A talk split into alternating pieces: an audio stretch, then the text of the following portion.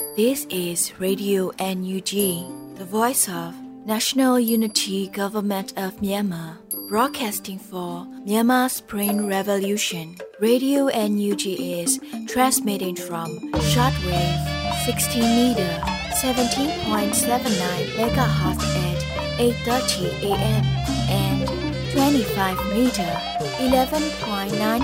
megahertz at 8:30 p.m. Myanmar Standard Time. မင်္ဂလာပါရှင်အမျိုးသားညီညွတ်ရေးအစိုးရရဲ့အတန်လွတ်ဌာနရေဒီယို NUG ကိုမန္တပိုင်း၈နိုင်ခွဲမှာလိုင်းတူ6မီတာ19.7ခွန်ကုန်းမဂါဟတ်စ်နဲ့ညပိုင်း၈နိုင်ခွဲမှာလိုင်းတူ25မီတာ17.6မဂါဟတ်စ်တို့မှာဓာတ်ရိုက်ဖမ်းယူနားဆင်နိုင်ပါပြီရှင်မင်္ဂလာအပေါင်းနဲ့ပြည့်စုံကြပါစေအခုချိန်ကစပြီး Radio NUG စီစဉ်လေးကိုဓာတ်ရိုက်အတန်လွှင့်ပေးနေပါပြီ ဘေးကင်းตาရတဲ့ဇန်နဝါရီလမနက်ခင်းတစ်ခုဖြစ်ကြပါစေတောတာရှင်များခင်ဗျာကျွန်တော်တို့အမျိုးသားညီညွတ်ရေးအစိုးရရဲ့ရေဒီယိုအန်ယူဂျီကမနက်ပိုင်းအတန်လွှင့်အစီအစဉ်တွေကိုစတင်ပါတော့မယ်ဦးဆုံးအနေနဲ့ရေဒီယိုအန်ယူဂျီရဲ့နောက်ဆုံးရသတင်းများကိုຫນွေဦးမိုးကဖတ်ကြားပေးပါတော့မယ်ခင်ဗျာမင်္ဂလာပါခင်ဗျာ ရေဒီယို NUG ရဲ့မနက်ပိုင်းပြည်တွင်းသတင်းများကိုဖတ်ကြားတင်ပြပေးပါရမယ်ပထမဆုံးသတင်းတစ်ပုဒ်အနေနဲ့ e-police station ကိုပြည်ထရေးဝန်ကြီးအမိန့်နဲ့ဖွဲ့စည်းဆိုတဲ့သတင်းကိုတင်ပြသွားပါမယ်။ e-police station ကိုပြည်ထရေးဝန်ကြီးအိုးလွင်ကိုလက်အမိန့်နဲ့ဖွဲ့စည်းလိုက်ပါတယ်။ဇန်နဝါရီ20ရက်မှာ e-police station ဖွဲ့စည်းခြင်းကိုအမိန့်ကြေညာစာအမှတ်နှစ်မြင်းဆောင်2023နဲ့ထုတ်ပြန်ကြေညာခဲ့ပါတယ်။ ထုတ်ပြန်ချက်အရယခုအခါအမျိုးသားညီညွတ်ရေးအစိုးရ၏စိုးမိုးထိန်းချုပ်နေမည်များတွင်သာမကဘဲနိုင်ငံတဝန်းလုံးရှိစစ်ကောင်စီကကျွလွန်သောရာဇဝတ်မှုများနဲ့ပြည်သူအချင်းချင်းကျွလွန်သောရာဇဝတ်မှုများအားမှတ်တမ်းတင်ထိမ့်သိမ်းခြင်းနဲ့ပြစ်မှုကျွလွန်သူတရားခံများအားတရားဥပဒေရှေ့မှောက်သို့ပို့ဆောင်ရန်ရည်ရွယ်ချက်များနဲ့ပြည်သူရဲတပ်ဖွဲ့လက်အောက်တွင် e-police station ကိုဖွဲ့စည်းလိုက်တယ်လို့ဆိုထားပါတယ်။ လက်ရှိမှာအမျိုးသားညီညွတ်ရေးအစိုးရ၏ထိန်းချုပ်နေမည်များတွင်ပြည်သူတရားရုံးများဖွင့်လှစ်ထားရှိပြီးလည်းဖြစ်ပါတယ်ခင်ဗျာ။ဆက်လက်ပြီး CDM ဝန်ထမ်းများကိုလူနေအိမ်တိုက်ခန်းမြေယာနှင့်အခြားပိုင်ဆိုင်မှုများအားပြန်လည်ပေးအပ်ခြင်းနှင့်အတူပိုင်ဆိုင်မှုမရှိသူများအားမျှဝေပေးခြင်းတို့ CDM မူဝါဒစာတမ်းတွင်ပါဝင်ဆိုတဲ့သတင်းကိုတင်ပြသွားပါမယ်။ CDM ဝန်ထမ်းများကိုလူနေအိမ်တိုက်ခန်းမြေယာနှင့် အခြားပိုင်ဆိုင်မှုများအားပြန်လည်ပေးအပ်ခြင်းနှင့်အတူပိုင်ဆိုင်မှုမရှိသူများအားမျှဝေပေးခြင်းတို့ CDM မူဝါဒစာတမ်းတွင်ပါဝင်တယ်လို့သတင်းရရှိပါတယ်။အကြမ်းမဖက်အာဏာဖီဆန်လှုပ်ရှားမှု CDM နိုင်ငံဝန်ထမ်းဆိုင်ရာမူဝါဒစာတမ်းကို JCC CDM ကရေးသားပြုစုခဲ့ရာအမျိုးသားညီညွတ်ရေးအတိုင်းပခံကောင်စီ NUCC ကဇန်နဝါရီ20ရက်မှာထုတ်ပြန်ခဲ့ပါတယ်။ CDM နိုင်ငံဝန်ထမ်းဆိုင်ရာမူဝါဒစာတမ်းမှာ အပိုင်း3ပိုင်းနဲ့အခန်း5ခန်းပါဝင်ပြီးအပိုင်း1မှာမူဝါဒရဲ့အကျိုးသက်ရောက်မှုအနက်အတိတ်ပဲဖွင့်ဆိုချက်ရည်ရွယ်ချက်နဲ့ CDM နိုင်ငံသားကောင်းများကို အခန်း1နဲ့2ခွဲပြီးဖော်ပြထားပါတယ်။အပိုင်း2အတွက် CDM နိုင်ငံဝန်ထမ်းများနဲ့ဆက်လင်းတဲ့မူဝါဒများကို အခန်း3နဲ့4အဖြစ်ဖော်ပြထားသလိုအခန်း3မှာအထွေထွေဖော်ပြထားပါတယ်။မူဝါဒအတီးပြုသည့်နေ့မှစ၍ CDM နိုင်ငံဝန်ထမ်းများအပေါ်အကြမ်းဖက်စစ်အုပ်စုကချမှတ်ထားသောပြစ်ဒဏ်များအလုံးအလိုအလျောက်ပြက်ပြယ်စေရမယ်လို့လည်းဖော်ပြပါရှိပါတယ်ခင်ဗျာ။ဆက်လက်ပြီးအန်ယူဂျီအစိုးရကလူသားချင်းစာနာမှုအကူအညီများအတွက်ငွေကျပ်616ဒသမခွန်ခွန်တန်းထောက်ပံ့ပေးပို့နိုင်ခဲ့ဆိုတဲ့သတင်းကိုတင်ပြသွားပါမယ်။အန်ယူဂျီအစိုးရကလူသားချင်းစာနာမှုအကူအညီများအတွက်ငွေကျပ်616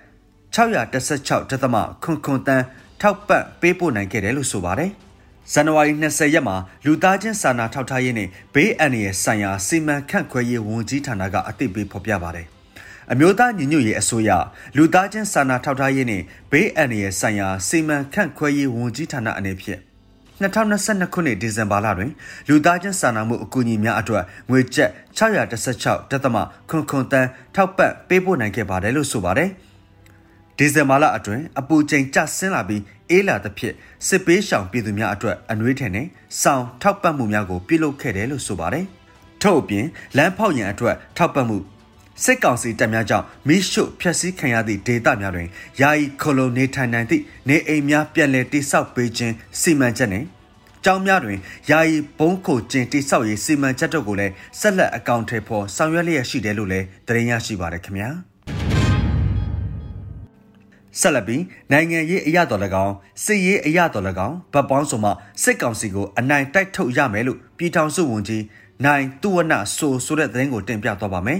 နိုင်ငံရေးအရတော်၎င်းစစ်ရေးအရတော်၎င်းဗတ်ပေါင်းစုံမှစစ်ကောင်စီကိုအနိုင်တိုက်ထုတ်ရမယ်လို့ပြည်ထောင်စုဝန်ကြီးနိုင်သူဝနကဆိုပါတယ်ဇန်နဝါရီ20ရက်ဂျာကာလာဒေသနရပြည်သူ့အုပ်ချုပ်ရေးဖော်ဆောင်မှုဗဟိုကော်မတီနှင့်စကိုင်းတိုင်းမကွေးတိုင်းပြည်သူ့ရေးရာအဖွဲ့များ တွဲဆုံပွဲမှာအလုံသမားရေးဝန်ကြီးဌာနပြည်ထောင်စုဝန်ကြီးနိုင်သူဝနကပြောပါတယ်ယခုနှစ်သည်အင်မတန်အရေးကြီးသည့်နှစ်တစ်နှစ်ဖြစ်ကြောင်းမြေပြင်အုပ်ချုပ်ရေးဖော်ဆောင်မှုသည်အရေးကြီးပြီးအချင်းချင်းချိတ်ဆက်ပြီးဆောင်ရွက်သွားရန်ဖြစ်ကြောင်းအုပ်ချုပ်ရေးဖော်ဆောင်မှုအပြင်နိုင်ငံရေးအရာတော်၎င်းစီရေးအရတော်၎င်းဗတ်ပေါင်းစုံမှစစ်ကောင်စီကိုအနိုင်တိုက်ထုတ်ရမည်ဖြစ်ကြောင်းလို့ဆိုပါတယ်။ထို့နောက်တမူးခရိုင်နဲ့ ကံကောခရိုင်ပြည်သူ့အုပ်ချုပ်ရေးအဖွဲ့မှခရိုင်အတွင်းနယ်မြေကွင်းစင်စစ်ဆေးမှုများပေါ်လုပ်ငန်းဆောင်ရွက်မှုများအကြံပြုချက်တုံးတက်ချက်များကိုချပြရှင်းလင်းပြောကြားခဲ့ပါတယ်။ဆက်လက်ပြီးဗန်နာရေးလျှက်စစ်ဆက်သွယ်ရေးအခွန်ကောက်ခံမှုကာကွယ်ရေးကျန်းမာရေးပညာရေးတရားစီရင်ရေး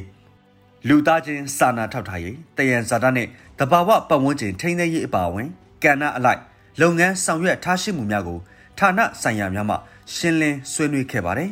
။အစည်းအဝေးကိုဂျာကာလာဒေသနရပြည်သူ့အုပ်ချုပ်ရေးဖော်ဆောင်မှုဗဟိုကော်မတီဝင်ပြည်ထောင်စုဝန်ကြီးများဒုတိယဝန်ကြီးများအမြဲတမ်းအတွင်းဝန်များတွဲဖက်အမြဲတမ်းအတွင်းဝန်များဌာနဆိုင်ရာအသီးသီးမှတာဝန်ရှိသူများစကိုင်းတိုင်းမကွေးတိုင်းပြည်သူ့အုပ်ချုပ်ရေးအဖွဲ့ခေါင်းဆောင်များအဖွဲ့ဝင်များတက်ရောက်ခဲ့ကြပါတယ်ခင်ဗျာဆက်လက်ပြီး KNU ကရင်အမျိုးသားအစည်းအရုံးကော့တူးလေအုပ်ချုပ်နေပြီခလဲလူ2ခရိုင်တပ်မဟာ3တွင်ဖြစ်ပွားသော15ရက်တာတိုက်ပွဲအတွင်းအာနာသိအကြမ်းဖက်စစ်ကောင်စီဘက်ကဒုတရင်မှုတအူအပါဝင်48ဦးခန့်တေဆုံးခဲ့ဆိုတဲ့သတင်းကိုတင်ပြသွားပါမယ် KNU ကရင်အမျိုးသားအစည်းအရုံးကော့တူးလေအုပ်ချုပ်နေပြီခလဲလူ2ခရိုင်တပ်မဟာ3တွင်ဖြစ်ပွားသော 15ရက်တာတိုက်ပွဲအတွင်းအာနာသိန်းအကြမ်းဖက်စစ်ကောင်စီဘက်ကဒုတက်ရင်မှုတအူးအပါဝင်48ဦးခန့်သေဆုံးခဲ့ပါတယ်။ဇန်နဝါရီ20ရက်နေ့မှာစစ်ရေးသတင်းကို KNU ကထုတ်ပြန်ပါတယ်။ KNU ကရင်အမျိုးသားအစည်းအရုံးကောက်တူးလေအုပ်ချုပ်နေပြီ။ခလဲလွေထူခရိုင်တပ်မဟာ3နယ်မြေများအတွင်းတွင်2023ခုနှစ်ဇန်နဝါရီလ1ရက်နေ့မှ15ရက်နေ့အထိ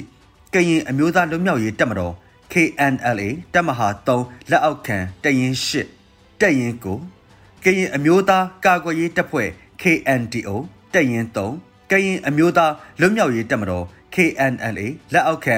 Federal Wings Drone အဖွဲ့များနဲ့အာနာသိန်းအကြမ်းဖက်စစ်ကောင်စီတပ်များအကြားမြေပြင်တိုက်ပွဲပေါင်း55ကြိမ်ဖြစ်ပွားခဲ့သည့်အပြင် Federal Wings Drone အဖွဲ့မှလည်းဝေဟင်တိုက်ခိုက်မှုပေါင်း14ကြိမ်ခန့်ပြုလုပ်ခဲ့တယ်လို့ဖော်ပြပါတယ်။ထိုတိုက်ပွဲများအတွင်အာနာသိန်းအကြမ်းဖက်စစ်ကောင်စီတပ်၏ ဒုတက်ရင်မှုတအူးအပါဝင်48ဦးခန့်သေဆုံးခဲ့ပြီး19ဦးခန့်ထိခိုက်ဒဏ်ရာရရှိခဲ့သည့်အပြင်အတိမပြုတ်နိုင်သော ထိခိုက်သေဆုံးမှုများလည်းရှိနေသေးတယ်လို့ဆိုပါတယ်။ကရင်အမျိုးသားလွတ်မြောက်ရေးတပ်မတော် KNLA ကရင်အမျိုးသားကာကွယ်ရေးတပ်ဖွဲ့ KNDO မှတိုင်းပြည်နယ်လူမျိုးအတွက်2ဦးအသက်ပေးလူခဲ့ရပြီး2ဦးထိခိုက်ဒဏ်ရာရရှိခဲ့ပါတယ်။ထို15ရက်တာတိုက်ပွဲအတွင်းကရင်အမျိုးသားလွတ်မြောက်ရေးတပ်မတော် KNLA တပ်မဟာ3လက်အောက်ခံတရင်8 တက်ရင်ကိုကရင်အမျိုးသားကာကွယ်ရေးတပ်ဖွဲ့ KNDO တက်ရင်3ကရင်အမျိုးသားလွတ်မြောက်ရေးတပ်မတော် KNLA လက်အောက်ခံ Federal Wings Drone အဖွဲ့များမှအာနာသိန်းအကြမ်းဖက်စစ်ကောင်စီတပ်ဖွဲ့များအုံပြုသောစစ်ကား22စီးအားလည်းဖျက်ဆီးနိုင်ခဲ့တယ်လို့သတင်းရရှိပါတယ်ခင်ဗျာ ဆက်လက်ပြီးကမ်ဘလူမြို့နယ်နတ်အင်းကျေးရွာကပြူများကိုလက်နက်ကြီးများနဲ့ကမ်ဘလူစွန်ရဲအဖွဲ့မှပြစ်ခတ်တိုက်ခိုက်ဆိုတဲ့သတင်းကိုတင်ပြသွားပါမယ်။စကိုင်းတိုင်းကမ်ဘလူမြို့နယ်နဲ့အင်းကျေးရွာကပြူများကိုလက်နက်ကြီးများနဲ့ကမ်ဘလူစွန်ရဲအဖွဲ့မှပြစ်ခတ်တိုက်ခိုက်ခဲ့ပါတယ်။ဇန်နဝါရီ20ရက်မှာစစ်ရေးသတင်းကိုကမ်ဘလူစွန်ရဲအဖွဲ့ကအတည်ပြုဆိုပါတယ်။ဇန်နဝါရီ19ရက် ည9နာရီမှ17နာရီအချိန်ထိကမ်ဘလူမြို့နယ်နဲ့အင်းပြူကျေးရွာကိုငပြောဖူးများလက်ဆောင်ပေးခဲ့ပါတယ်လို့ဆိုပါတယ်။ပြူများအလူလုံရန်ပြင်ဆင်နေချိန်ပြစ်ခတ်တိုက်ခတ်ခဲ့တာလို့ဆိုထားပါတယ်။လက်တလုံးမှာထိခိုက်ပျက်စီးမှုများအားအတည်ပြုစုံစမ်းဆဲဖြစ်ပါတယ်ခင်ဗျာဆက်လက်ပြီးစကိုင်းတိုင်းကတာမြို့အမှတ်9ရပ်ကွက်တွင်နေထိုင်သောလယ်မယားနှစ်ဦးကို PDF များနဲ့ဆက်သွယ်သည်ဟုဆိုကာအကြမ်းဖက်စစ်အုပ်စုက ညအပိုင်းနေအိမ်အတွင်းဝင်ရောက်ဖမ်းဆီးဆိုတဲ့သတင်းကိုတင်ပြသွားပါမယ်။စကိုင်းတိုင်းကတာမြို့အမှတ်9ရက်ကွက်တွင်နေထိုင်သောလင်မယားနှစ်ဦးကို PDF များနဲ့ဆက်သွယ်သည်ဟုဆိုကာအကြမ်းဖက်စစ်အုပ်စုကညပိုင်းနေအိမ်အတွင်းဝင်ရောက်ဖမ်းဆီးခဲ့ပါတယ်။ဇန်နဝါရီ20ရက်မှာအာနာသိမ့်ပြီးနောက်လက်တလောဖြစ်ပေါ်လျက်ရှိသောအခြေအနေများနဲ့ပတ်သက်၍ AAPP ကအသိပေးဖော်ပြပါတယ်။စကိုင်းတိုင်းကတာမြို့အမှတ်9ရက်ကွက်တွင်နေထိုင်သောဦးစော်မင်းထွန်းခဘူးတိနှင့်ဇနီးဖြစ်သူဒေါ်စင်စင်ခိုင်တို့နှစ်ဦးကို ပြည်သူ့ကာကွယ်ရေးတပ်ဖွဲ့ PDF နှင့်ဆက်သွယ်သည်ဟုဆွဆွဲပြီးအကြမ်းဖက်စစ်အုပ်စုမှဇန်နဝါရီလ18ရက်နေ့ညပိုင်းအချိန်၌၎င်းတို့၏နေအိမ်အတွင်းကိုဝင်ရောက်၍ဖမ်းဆီးခဲ့တယ်လို့ဖော်ပြပါတယ်။2021ခုနှစ်အာနာသိန်းချိန်မှ2023ခုနှစ်ဇန်နဝါရီလ20ရက်နေ့ထိတိုင်ဖမ်းဆီးချုပ်နှောင်ခြင်းခံထားရသူစုစုပေါင်း13619ဦးရှိပြီး၎င်းတို့အနက်မှ 2155ဦးမှာထောင်ဒဏ်ချမှတ်ခြင်းခံထားရပါတယ်ခင်ဗျာဆက်လက်ပြီးစိုင်းကယ်ဖြစ်ထွက်လာသောအမှတ်310ခွန်အမြောက်တက်မှစစ်ကောင်စီတပ်ဖွဲ့ဝင်များကိုရေ 1GF ပျောက်ကြားတက်ကလမ်းပိုင်းမှာကြားဖြတ်တက်ခတ်၍စစ်ကောင်စီတပ်က9ဦးသေဆုံးကတနက်3လက်တင်စေရရှိဆိုတဲ့သတင်းကိုတင်ပြသွားပါမယ်။မွန်ပြည်နယ်ရေးမြို့မှာစိုင်းကယ်ဖြစ်ထွက်လာသောအမှတ် 310ခွန်အမြောက်တက်မှစစ်ကောင်စီတပ်ဖွဲ့ဝင်များကိုရေ YGF ပျောက်ကြားတပ်ဖွဲ့ကလမ်းပိုင်းမှာကြားဖြတ်တိုက်ခိုက်ခဲ့ပါတယ်။ဇန်နဝါရီ20ရက်မနက်ပိုင်းကတိုက်ခိုက်ခဲ့တာဖြစ်တယ်လို့ရေ YGF ပျောက်ကြားတပ်ဖွဲ့ကဗိုလ်ကြံရစ်ကဆိုထားပါတယ်။နှစ်သက်လက်ဆောင်အမတ310ခွန်ကြိုက်လားကြိုက်လားအမတ310ခွန်9កောင်သေးလက်စားခြေလိုက်ပြီလို့ဆိုထားပါတယ်။ရေးမြို့နယ်မှာ စစ်ကောင်စီတပ်နေရဲများမကြာခဏအထိနာကြဆုံးလျက်ရှိပြီးလက်နက်များပါတင်ဆဲခံရမှုတို့ရှိပါတယ်ခင်ဗျာဆက်လက်ပြီးကမာယုမြို့နယ်ရွှေလီလမ်းရှိအမျိုးသားပြန်လည်တည်မြဲရေးနှင့်ငြိမ်းချမ်းရေးဗဟိုဌာန NRPC ရုံးနဲ့ရန်ကုန်တိုင်းဒေသကြီးရွေးကောက်ပွဲကော်မရှင်ရုံးခွဲအားဖောက်ခွဲတိုက်ခိုက်ဆိုတဲ့သတင်းကိုတင်ပြသွားပါမယ်။ရန်ကုန်မြို့ကမာရွတ်မြို့နယ်ရွှေလီလမ်းရှိအမျိုးသားပြန်လည်တည်မြဲရေးနှင့် ငြိမ်းချမ်းရေးဗဟိုဌာန NRPC ရုံးနဲ့ရန်ကုန်တိုင်းဒေသကြီးရွေးကောက်ပွဲကော်မရှင်ရုံးခွဲအားအဝေးထိန်မိုင်းလက်ပစ်ဘုံတို့ဖြင့်တိုက်ခတ်ခဲ့တယ်လို့ဆိုပါတယ်။ဇန်နဝါရီ20ရက်မွန်းလွဲပိုင်းတနအီ47မိနစ်အချိန်မှာဖောက်ခွဲတိုက်ခတ်ခဲ့တာလို့ Dark Shadow UG အဖွဲ့ကအတည်ပြုဆိုပါတယ်။ဇန်နဝါရီလ20ရက်နေ့တနအီ47မိနစ်အချိန်တွင် Dark Shadow UG အဖွဲ့မှကမာရွတ်မြို့နယ်ရွှေလီလမ်းရှိအမျိုးသားပြန်လည်တည်မြဲရေးနှင့်ငြိမ်းချမ်းရေးဗဟိုဌာန NRPC ကိုလက်ပစ်ပုံ မြန်မာနိုင်ငံလုံးဆိုင်ရာအဖြစ်အခက်ရက်စဲရေးယုံငြိမ်းချမ်းရေးစင်တာရန်ကုန်တိုင်းဒေသကြီးရွေးကောက်ပွဲကော်မရှင်ရုံးခွဲအားအဝေးထိန်မှန်းဖြင့်တိုက်ခတ်ခဲ့ပါတယ်လို့ဆိုပါတယ်။ကမာရွတ်မြို့နယ်ရွှေလီလမ်းရှိအမျိုးသားပြန်လည်သိမ့်မြရေးနှင့်ငြိမ်းချမ်းရေးဗဟိုဌာန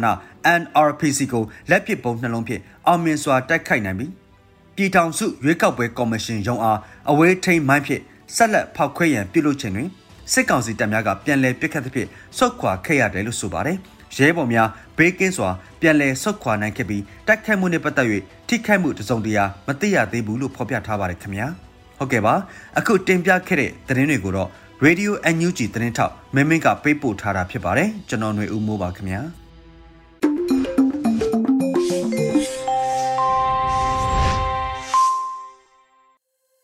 နောက်ဆုံးရသတင်းများကိုနားဆင်လို့အပြီးမှာတော့လောင်တိုက်လို့အမိရတဲ့တော်လိုင်းရေးကြပြတဲ့ပုတ်နဲ့ခွန်အားဖြည့်ပေးခြင်းပါတယ်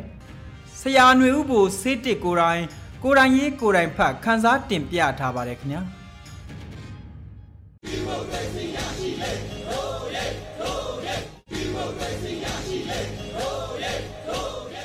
ဖွဲ့စည်းပုံအခြေခံဥပဒေ2008ခုနှစ်ပုံမှာ419ရာနိုင်ငံတော်အားအရေးပေါ်အခြေအနေကြေညာလိုက်သည်လောင်တိုက်ဒီနေ့အရှိတ်ကောင်းကင်လောကရက်တစ်ခွင်လုံးညိုမှိုင်းနေလေရဲ့ ပူဆွေးနေတဲ့မျက်ရည်ဇက်တွေဟာပြိုဆင်းလာတဲ့မိုးရည်ဇက်တွေနဲ့အတူငါတို့ရဲ့ရင်ဘတ်ထဲနေရာယူရင်းပါတီဆိုဒီမိုကရေစီအချိန်ထဲမှာအ내ရောင်ဝိယုံပိုင်ရှင်ရဲ့အတန်ကအရှက်ကျိုးပြက်နေတဲ့ငှက်ဆိုးထိုးတယ်လူပါဝါလို့အာနာတခိုးဓမြတွေပဲရက်တီနေလေရဲ့မတရားသဖြင့်အဆုံးဖြတ်ကိုအပြုံးမပြတ်တုံ့ပြန်လိုက်တာကကျွန်တော်တို့ရဲ့မြင့်မြတ်တဲ့ဦးလေးသူ့ရင်ဘတ်ထဲမှာတော့ တစ်ချိန်ကလူလို့ထင်ပြီးအရေးလို့အရာပေးခဲ့တဲ့အာနာယူခွေးတတိုက်ရဲ့အကြံမိုက်နဲ့ပြန်အကိုက်ခံရတဲ့ခံစားချက်သူ့ရဲ့သားသမီးတွေကိုစစ်ခွေးတအုပ်ကညစ်သေးစုပ်ပဲ့နှိပ်စက်နေလို့တိတ်ထက်တဲ့ဓာတ်နဲ့နှလုံးသားကိုမှုန်းခံထားရတယ်လို့နာကျင်နေလေရဲ့ဒါပေမဲ့သူ့ခြေလှမ်းတွေကတက်ကြွနေစေငေးကြည့်နေတဲ့မျက်ဝန်းတွေကတောက်ပနေစေလင်းလက်နေစေ မဝေးတော့တဲ့အောင်ပွဲကထောင်ထဲကအပြစ်မဲ့ဘဝတွေကိုပြန်ယူပေးမယ်ဆိုတာသူတေချာသိနေလေရဲ့ခိုင်မြဲတဲ့ယုံကြည်ချက်တစ်ခုသူ့နှလုံးသားမှာရှိတယ်သားသမီးတွေရဲ့တစ္ဆာကိုသူ့မေတ္တာနဲ့ရခဲ့လို့သူဘယ်တော့မှရှုံးနေမသွားဘူးမပြတ်စောက်တည်ခဲ့တဲ့သူ့ကိုယ်ချင်းတရားကိုအပူရုပ်နဲ့လူရုပ်တစ်တိုက်ကရင်ဆိုင်ဖို့တတ္တိဗလာနတ်ထိဖြစ်နေကြတယ်တရားယုံဟာမတရားယုံအဖြစ်အသွင်ပြောင်းစနစ်ဟောင်းကိုအကောင်ထဲပေါ် ခစ်ပြောင်းခြင်းတဲ့စစ်တရောင်းစားတစုကြောင့်ဥပဒေဟာစုတည်သွားတယ်ဒါပေမဲ့ဖိရင်ကြွထိရင်ချတဲ့သူရဲကောင်းတွေရဲ့ရင်ထဲကဒီမိုကရေစီမိတော့ကပြီးပြောင်းမသွားဘူးအာနာရှင်ကိုတွန်းလှန်တပြည်လုံးညံနေတဲ့တန်ဖုံးတန်တွေကတိတ်ဆိတ်မသွားဘူးကျမမှာပြည်သူတွေပဲရှိပါတယ်ဆိုတဲ့မေပြောခဲ့တဲ့လေးနက်တဲ့စကားတခွန်းငါတို့ရဲ့အသေးသေးဆွဲမှတ်ရင်တော်လှန်မိတော့တွေနဲ့မှောင်မိုက်ဖုံးမိစာအစ်စ်ဖက်စစ်လက်ပါဆွေတွေကို လောင်တိုက်သွင်းပစ်ကြပါစို့ဒီမိုကရေစီတရေကောင်းညီနောင်အပေါင်းတို့ຫນွေဥပူစေတစ်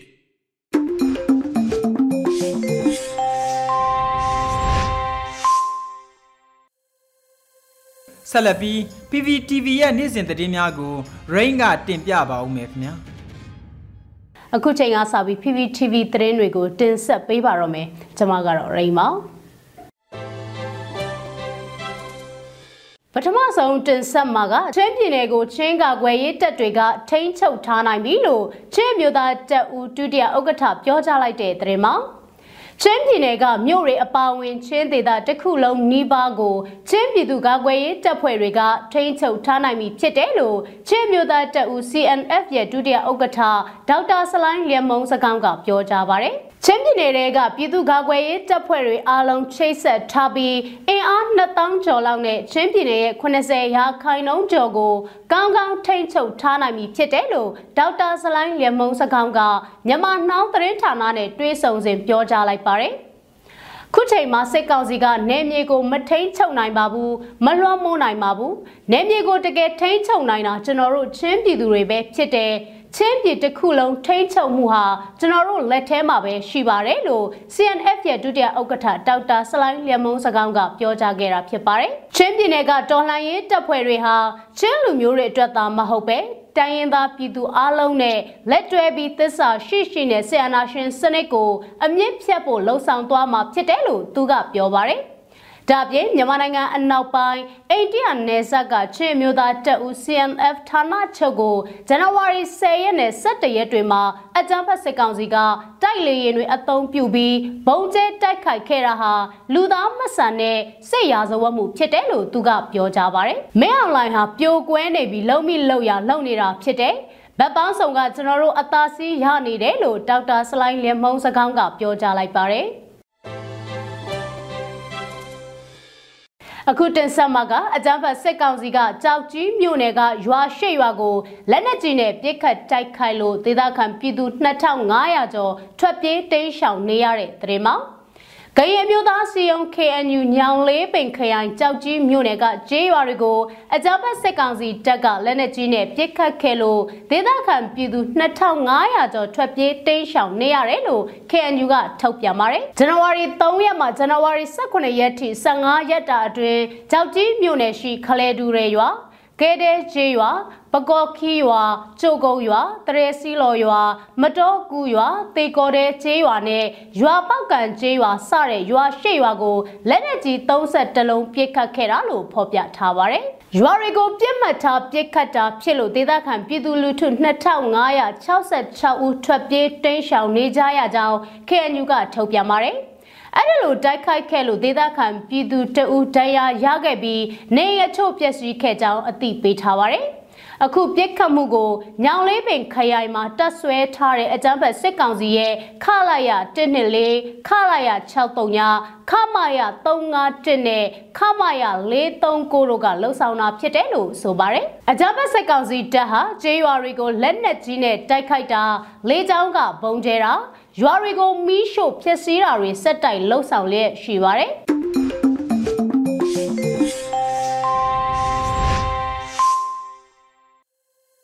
ရေဒီယိုအန်ယူဂျီရဲ့ဇန်နဝါရီလ22ရက်နေ့မနက်ခင်းထုတ်လွှင့်မှုအစီအစဉ်တွေကိုနားဆင်နေကြတာဖြစ်ပါတယ်။ဆက်လက်ပြီးတော်လိုင်းရဲ့တီဂီတာတစ်ပုတ်နဲ့ဖျော်ပြမှာဖြစ်တာမို့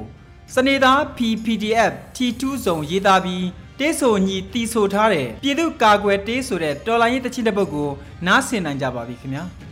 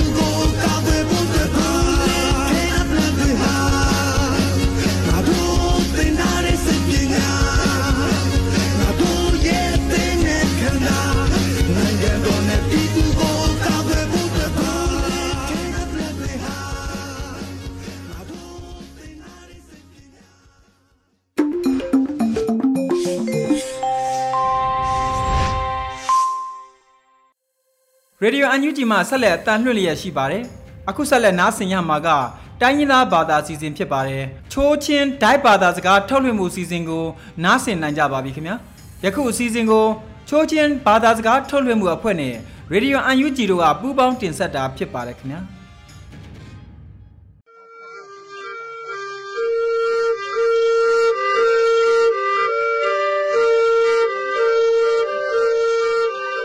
ดอยรีดิโอไทยหลุนักสงอากีนุปะเบนานิงยะเยนานี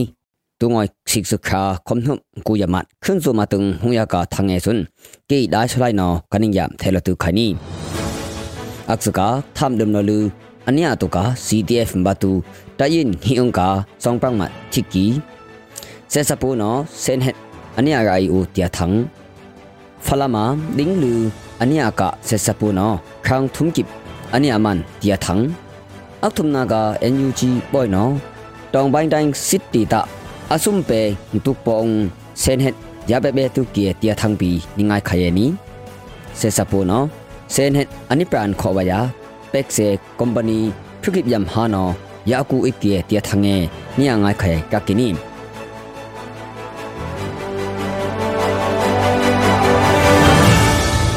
ဘတ်တွန်ဟေငါလိုင်းနမတုခါဟလိမ်ဟမ်နှုပုံ ani tu ni mtung na kung CTF batu songprang mat thiki tia thang ya ka ka kini sun ko na M4 senen hi kha chu khuk e senen hi sangge halian mobile phung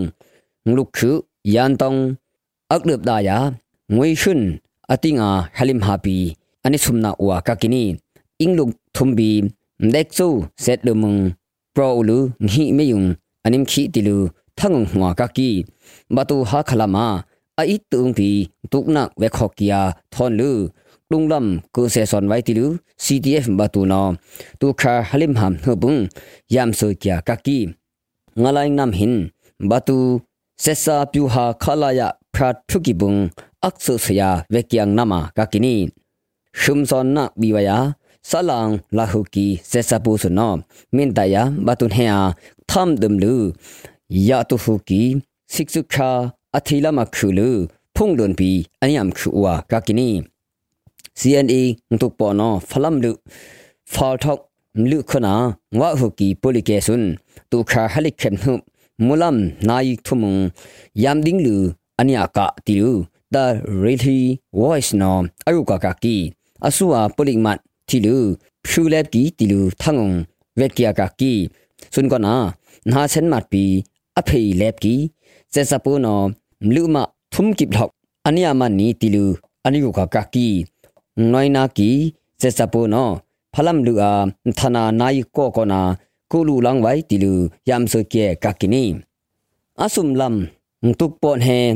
ตองบังดังซิติตานุทุม PDF ตอนาสิจองตุงนิ่งเท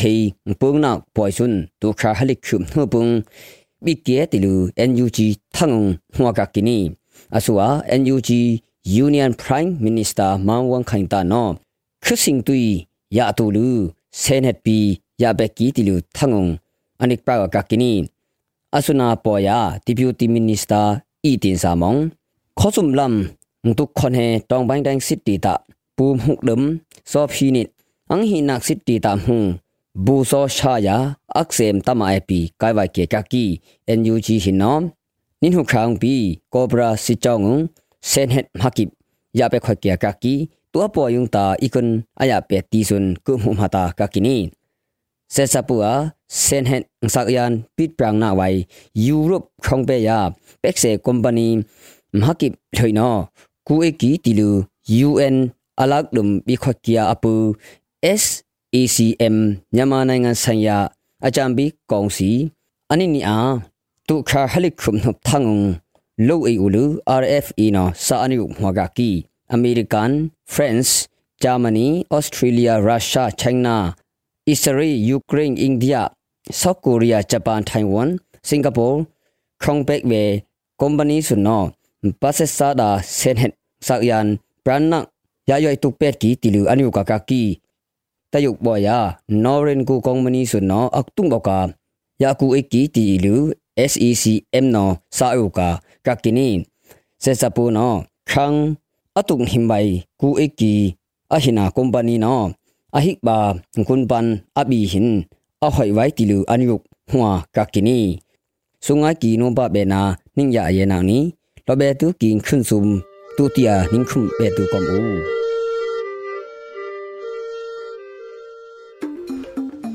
ကနေ့ကတော့ဒီညနေပဲ Radio NUG ရဲ့အစီအစဉ်လေးကိုခေတ္တရ延လိုက်ပါမယ်ရှင်မြန်မာစံတော်ချိန်မနေ့၈နိုင်ခွဲနဲ့ည၈နိုင်ခွဲအချိန်တွေမှာပြောင်းလဲဆိုပြကြပါလို့ရှင် Radio NUG ကိုမနေ့ပိုင်း၈နိုင်ခွဲမှာလိုင်းတူ16မီတာ19.7မဂါဟတ်နဲ့ညပိုင်း၈နိုင်ခွဲမှာလိုင်းတူ25မီတာ17.6မဂါဟတ်တို့မှာဓာတ်ရိုက်ဖမ်းယူ နာဆင်နိုင်ပါပြီရှင်။မြန်မာနိုင်ငံသူနိုင်ငံသားများကိုစိတ်နှပြချမ်းမာချမ်းသာလို့ဘေးကင်းလုံခြုံကြပါစေလို့ Radio NUG ရဲ့ဖွဲ့သူဖွဲ့သားများကဆုတောင်းလိုက်ရပါတယ်။ San Francisco Bay Area အခြေဆိုင်မြန်မာမိသားစုများနိုင်ငံတကာကစေတနာရှင်များလိုအားပေးများရဲ့ Radio NUG ဖြစ်ပါတယ်ရှင်။အရေးတော်ပုံအောင်ရမည်။